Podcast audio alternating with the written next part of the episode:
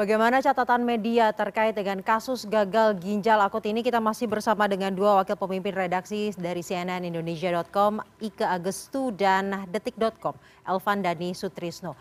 Baike dan Mas Elvan, salah satu pertanyaan terbesar saat ini bukan hanya penanganannya saja, bukan hanya perkembangannya saja, namun juga siapa yang bertanggung jawab atas kasus ini. BPOM memang sudah memidanakan dua perusahaan farmasi. Namun BPOM sendiri disebutkan oleh Ombudsman ditemukan ada dugaan maladministrasi yang dilakukan oleh BPOM salah satunya bersama dengan Kemenkes. Kemudian komunitas konsumen Indonesia ini melakukan somasi terhadap BPOM karena diduga melakukan kebohongan publik dan lain sebagainya. Saya ke Mas Elvan terlebih dahulu bagaimana sebenarnya media melihat masalah ini? Siapa yang harus bertanggung jawab? Oke, Caca. Pertanyaan menarik, siapa yang harus bertanggung jawab? Ya udah jelas dong, kalau udah kayak gini ya, yang bertanggung jawab siapa yang apa yang bisa bikin obat ya yang katanya Menkes kan penyebabnya sirup nih. Menkes kan kalau ditanya wartawan siapanya udah ini sirup obat batuk penyebabnya oke. Kalau itu penyebabnya mungkin belum ada hasil investigasi tapi kan beliau sudah menyimpulkan. Berarti yang bertanggung jawab adalah siapa yang bisa bikin itu obat bisa sampai. Eh, dan diminum kemudian mengakibatkan gagal ginjal akut.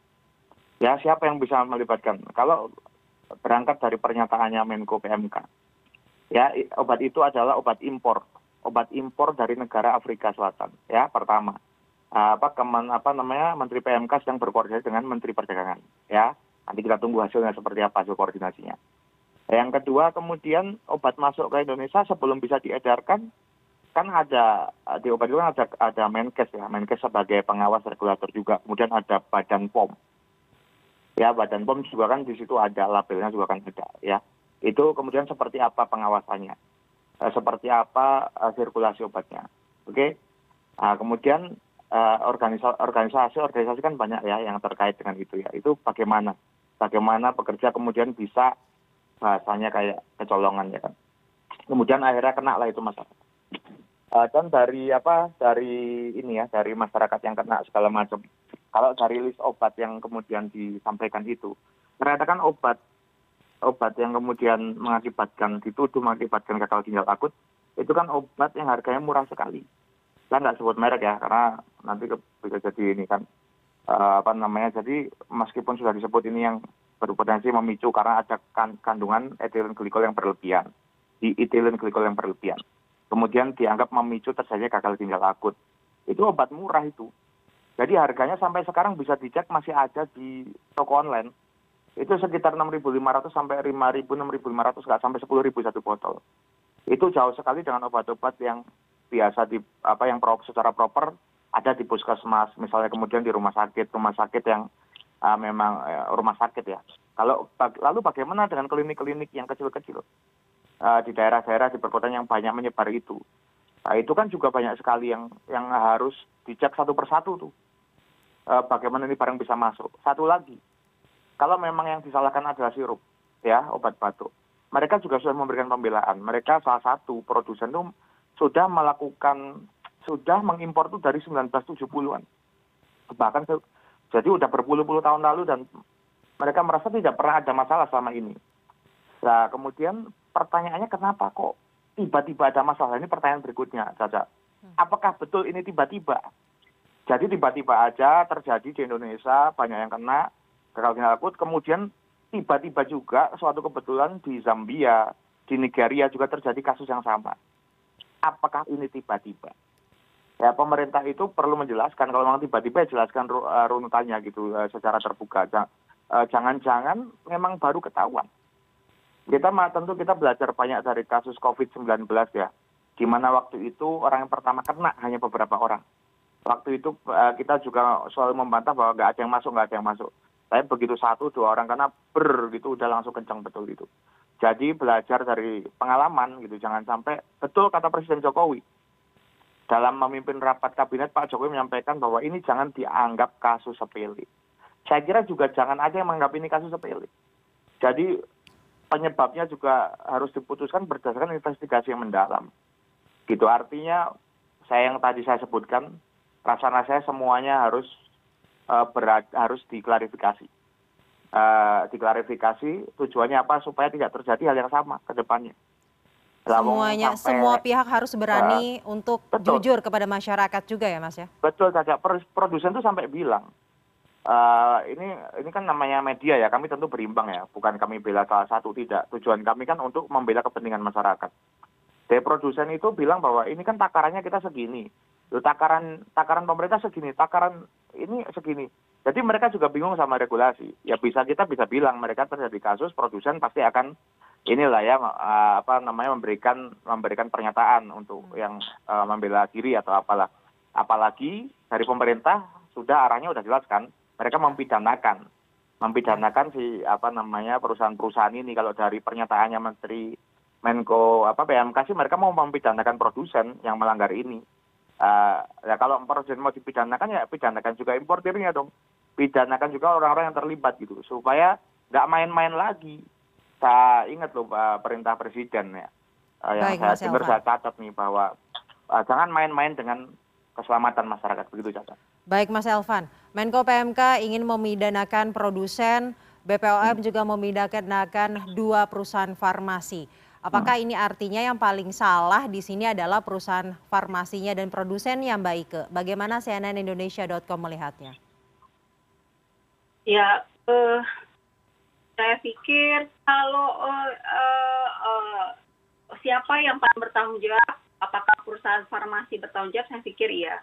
Makanya sekarang ada dua perusahaan farmasi yang sedang diperiksa di Bareskrim. Tapi sampai saat ini uh, sepertinya dua perusahaan farmasi tersebut, baik dari Bepom dan Bareskrim itu tidak dirilis ke publik. Jadi uh, apa apa saja perusahaan farmasi yang bertanggung jawab ini sampai sekarang tidak secara transparan di publik uh, di, di, di, dirilis gitu ya, di, diinfokan ke publik. Saya pikir itu juga salah satunya yang kita uh, minta kepada pemerintah, kepada pihak-pihak yang menangani kasus ini untuk selain juga mempidanakan orang-orang yang bertanggung jawab karena kalau kemarin kan uh, Komnas HAM udah ketemu sama uh, uh, Bepom ya dan saya pikir ada poin bagus karena uh, 157 orang ya Caca ya yang meninggal uh, per, uh, uh, per minggu lalu. 157 anak yang meninggal dunia itu tidak sedikit. Itu sangat banyak. Itu anak orang semua. Yeah. Bayangkan kalau itu terjadi di keluarga kita gitu ya. Jadi dengan banyaknya itu, itu sebenarnya sudah bisa kita sebut sebagai kejadian luar biasa karena ada 157 anak. Nah, uh, karena itu ya harus ada yang bertanggung jawab. Selain itu juga ya harus transparan ke publik karena saya pikir publik berhak tahu kok perusahaan mana yang misalnya nanti terbukti uh, uh, lalai terhadap uh, bahan baku mereka ya, ya mereka juga harus menanggung akibatnya karena itu harus dibuka ke publik. Mereka memang harus bertanggung jawab, jadi nggak perlu disembunyikan gitu. Publik berhak untuk tahu gitu. Publik berhak untuk tahu uh, perusahaan mana yang lalai dan menyebabkan kematian sebanyak ini anak. Jadi uh, saya pikir sekarang pemerintah uh, kita berharap tidak ada lagi korban yang bertambah karena seharusnya sudah di stop ya maksudnya uh, penggunaan obat sirup sudah sempat di stop uh, semua oleh Menkes lalu kemudian Menkes juga uh, apa namanya mendapatkan antidotnya dari yang harus diimpor dari beberapa negara. Kalau uh, kayaknya yang sudah datang ke negara kita itu ada dari Singapura, Jepang, lalu Australia. Antidotnya antidotumnya sudah di, uh, uh, ditemukan gitu ya. Sehingga kita berharap tidak ada lagi yang uh, tidak ada lagi korban bertambah gitu ya. Ada, karena sirupnya juga sudah dihentikan. Tapi dengan sebanyak ini korban, iya sudah bisa disebut kejadian luar biasa. Sehingga harus ada yang bertanggung jawab selain itu ya publik berhak untuk mengetahui Baik, secara Maike. transparan proses hukumnya seperti apa, siapa pihak-pihak yang bermasalah tidak perlu ditutupi. Saya pikir poin yang ya, sama adalah kejujuran dan transparansi. Mas Elvan, KLB ini sudah disebutkan oleh Mbak Ike bahwa pentingnya untuk uh, menetapkan status KLB karena sudah banyak sekali korbannya setidaknya dari catatan kita ada 157 anak. Namun yang saya baca saat ini Menkes dan juga pemerintah sepertinya uh, tidak melihat adanya urgensi untuk menetapkan KLB. Dari catatannya Detikcom, kenapa? Mas Elvan jadi begini caca dari yang saya ikuti menkes itu menyampaikan bahwa uh, klb ini apa lucu kalau klb katanya. Karena kasusnya sudah menurun. Itu pernyataannya. Jadi karena kasusnya sudah menurun sudah tertangani jadi tidak perlu ada klb gitu kan. Uh, cuman masalahnya klb itu sebetulnya kan bukan tentang uh, sesuatu yang sudah ditangani gitu loh. Sebenarnya itu tuh tentang yang tadi saya pertanyaan saya tadi sebetulnya ya kan menko pmk kan menyampaikan ini kejadian tiba tiba juga bareng dengan afrika uh, penyebabnya adalah kemungkinan impor obat segala macam kemudian uh, sampai sekarang kan obat impor masih beredar begitu saja jadi menurut saya yang paling benar sekarang adalah ditetapkan KLB sebagai payung paling besar dalam investigasi obat-obat impor. Ya apakah, kalau memang betul. Mas ya, Elvan, apakah betul, ada kekhawatiran uh, pemerintah jika menetapkan ini menjadi klb pemerintah itu artinya harus uh, transparan uh, memberitahukan seperti yang tadi Mas Elvan uh, bilang mengenai alasan-alasan apakah ini tiba-tiba atau tidak. Apakah ada kekhawatiran itu di pemerintah makanya mereka enggan untuk menetapkan KLB? Jadi tadi Mbak Ika sampaikan korbannya sekian orang manusia, ya uh, apa artinya pemerintah menganggap itu besar atau tidak? Pak Jokowi aja bilang bahwa jangan sepelekan jangan sepelekan jadi mestinya pembantunya juga sama berpikiran sama. Uh, saya kira harus ditetapkan KLB kemudian dilakukan evaluasi menyeluruh. Nah, karena tadi diduga penyebabnya dari impor ya kan banyak banget obat impor tuh. Cek lagi semuanya. Ya jangan-jangan di luar ini obat batuk ini masih banyak lagi yang lain yang juga berbahaya. Cek lagi takaran-takarannya satu persatu harus dikelirkan dan kalau terbuka ya pemerintah harus terbuka dong kalau pemerintah tidak terbuka tidak menetapkan klb karena khawatir terjadi misalnya kepanikan ya. Hmm. kemudian pemerintah uh, seperti kayak tadi disinggung juga sama mbak ike tidak membuka kasus yang sedang ditangani. Lagi-lagi mungkin jangan-jangan takutnya kepanikan. Kalau jangan salah sekarang tuh rakyat sudah panik. Saya, saya nih. Ya saya saya ini kan punya anak juga dua masih kecil-kecil SD dua-duanya SD anak saya itu lagi nggak enak badan nggak mau minum obat kata itu benar kejadian gitu. Dia nanya dengan nanya dengan sangat serius ini obat sirup nggak mau? Takut ayah takut nanti ada racunnya. Dia sudah menyebutnya obat beracun loh. Hmm. jangan itu ini baru keluarga saya sendiri bukan yang lain-lain gitu loh.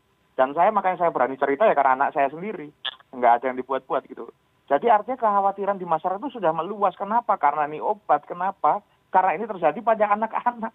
Kenapa? Karena ini sudah sangat mengkhawatirkan gitu loh artinya siapa sih orang tua yang nggak peduli dengan anaknya? Ceklah rumah sakit ibu dan anak mana yang kosong setiap akhir pekan. Pasti Baik, sakit sedikit diperiksain. Artinya apa? Artinya jangan main-main gitu Baik, Mas bereskan secara menyeluruh begitu Caca. Baik, baik ke apa yang bisa kita lakukan sebagai media yang bisa menyampaikan banyak hal kepada masyarakat agar kekhawatiran dan kepanikan yang seperti tadi dikatakan oleh Mas Elvan ini bisa menurun di masyarakat. Setidaknya kita bisa berkontribusi langsung kepada masyarakat, Mbak.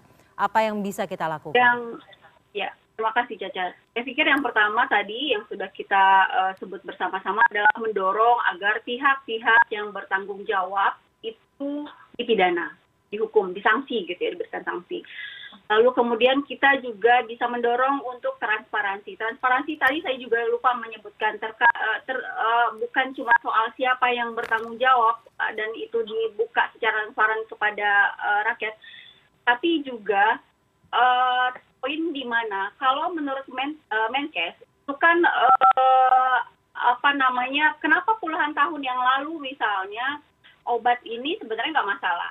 Karena sebenarnya kan semua obat sirup ini itu kan pakai uh, pelarut. Pelarutnya dalam bentuk polietilen polietilen glikol. Nah polietilen glikol ini tidak beracun. Tapi pada waktu kalau membuatnya tidak bagus ini kata-kata Kemenkes saya kutip pada waktu uh, pers uh, soal ini. Kalau buatnya tidak bagus maka akan ada impuritas atau cemaran.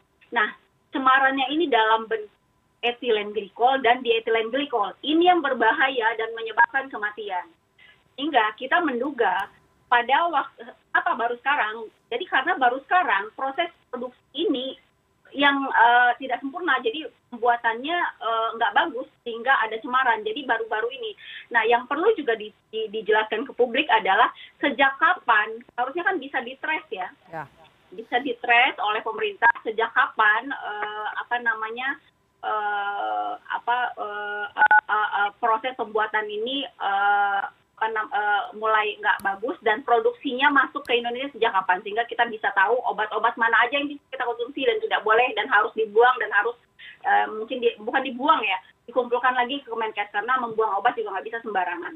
Lalu kemudian yang bisa kita lakukan adalah kita harus mendorong eh, untuk BPOM itu melakukan sistem pengawasan obat secara teratur dan lebih ketat gitu. Karena untuk kasus ini sebenarnya BPOM memang eh, mengakui mereka tidak menge- tidak mengecek soal eh, soal eh, cemaran etilen glikol dan etilen glikol di dalam obat itu mereka akui sehingga yang bisa kita dorong juga sebagai media adalah eh, sistem pengawasan obat kita harus lebih lebih lebih lebih ketat sekarang gitu. Jadi eh, eh, BPOM juga harus mengeval- mengevaluasi sistem Baik, baik. uh, pengawasan obat yang mereka lakukan gitu. Jadi saya pikir itu beberapa Baik, poin Mbak yang bisa kita dorong untuk uh, dilakukan oleh pemerintah Baik, dan Mbak Ika. kemudian uh, Kita akan sama-sama kawal uh, terus ya, Baike. seperti ini jadi lagi ya.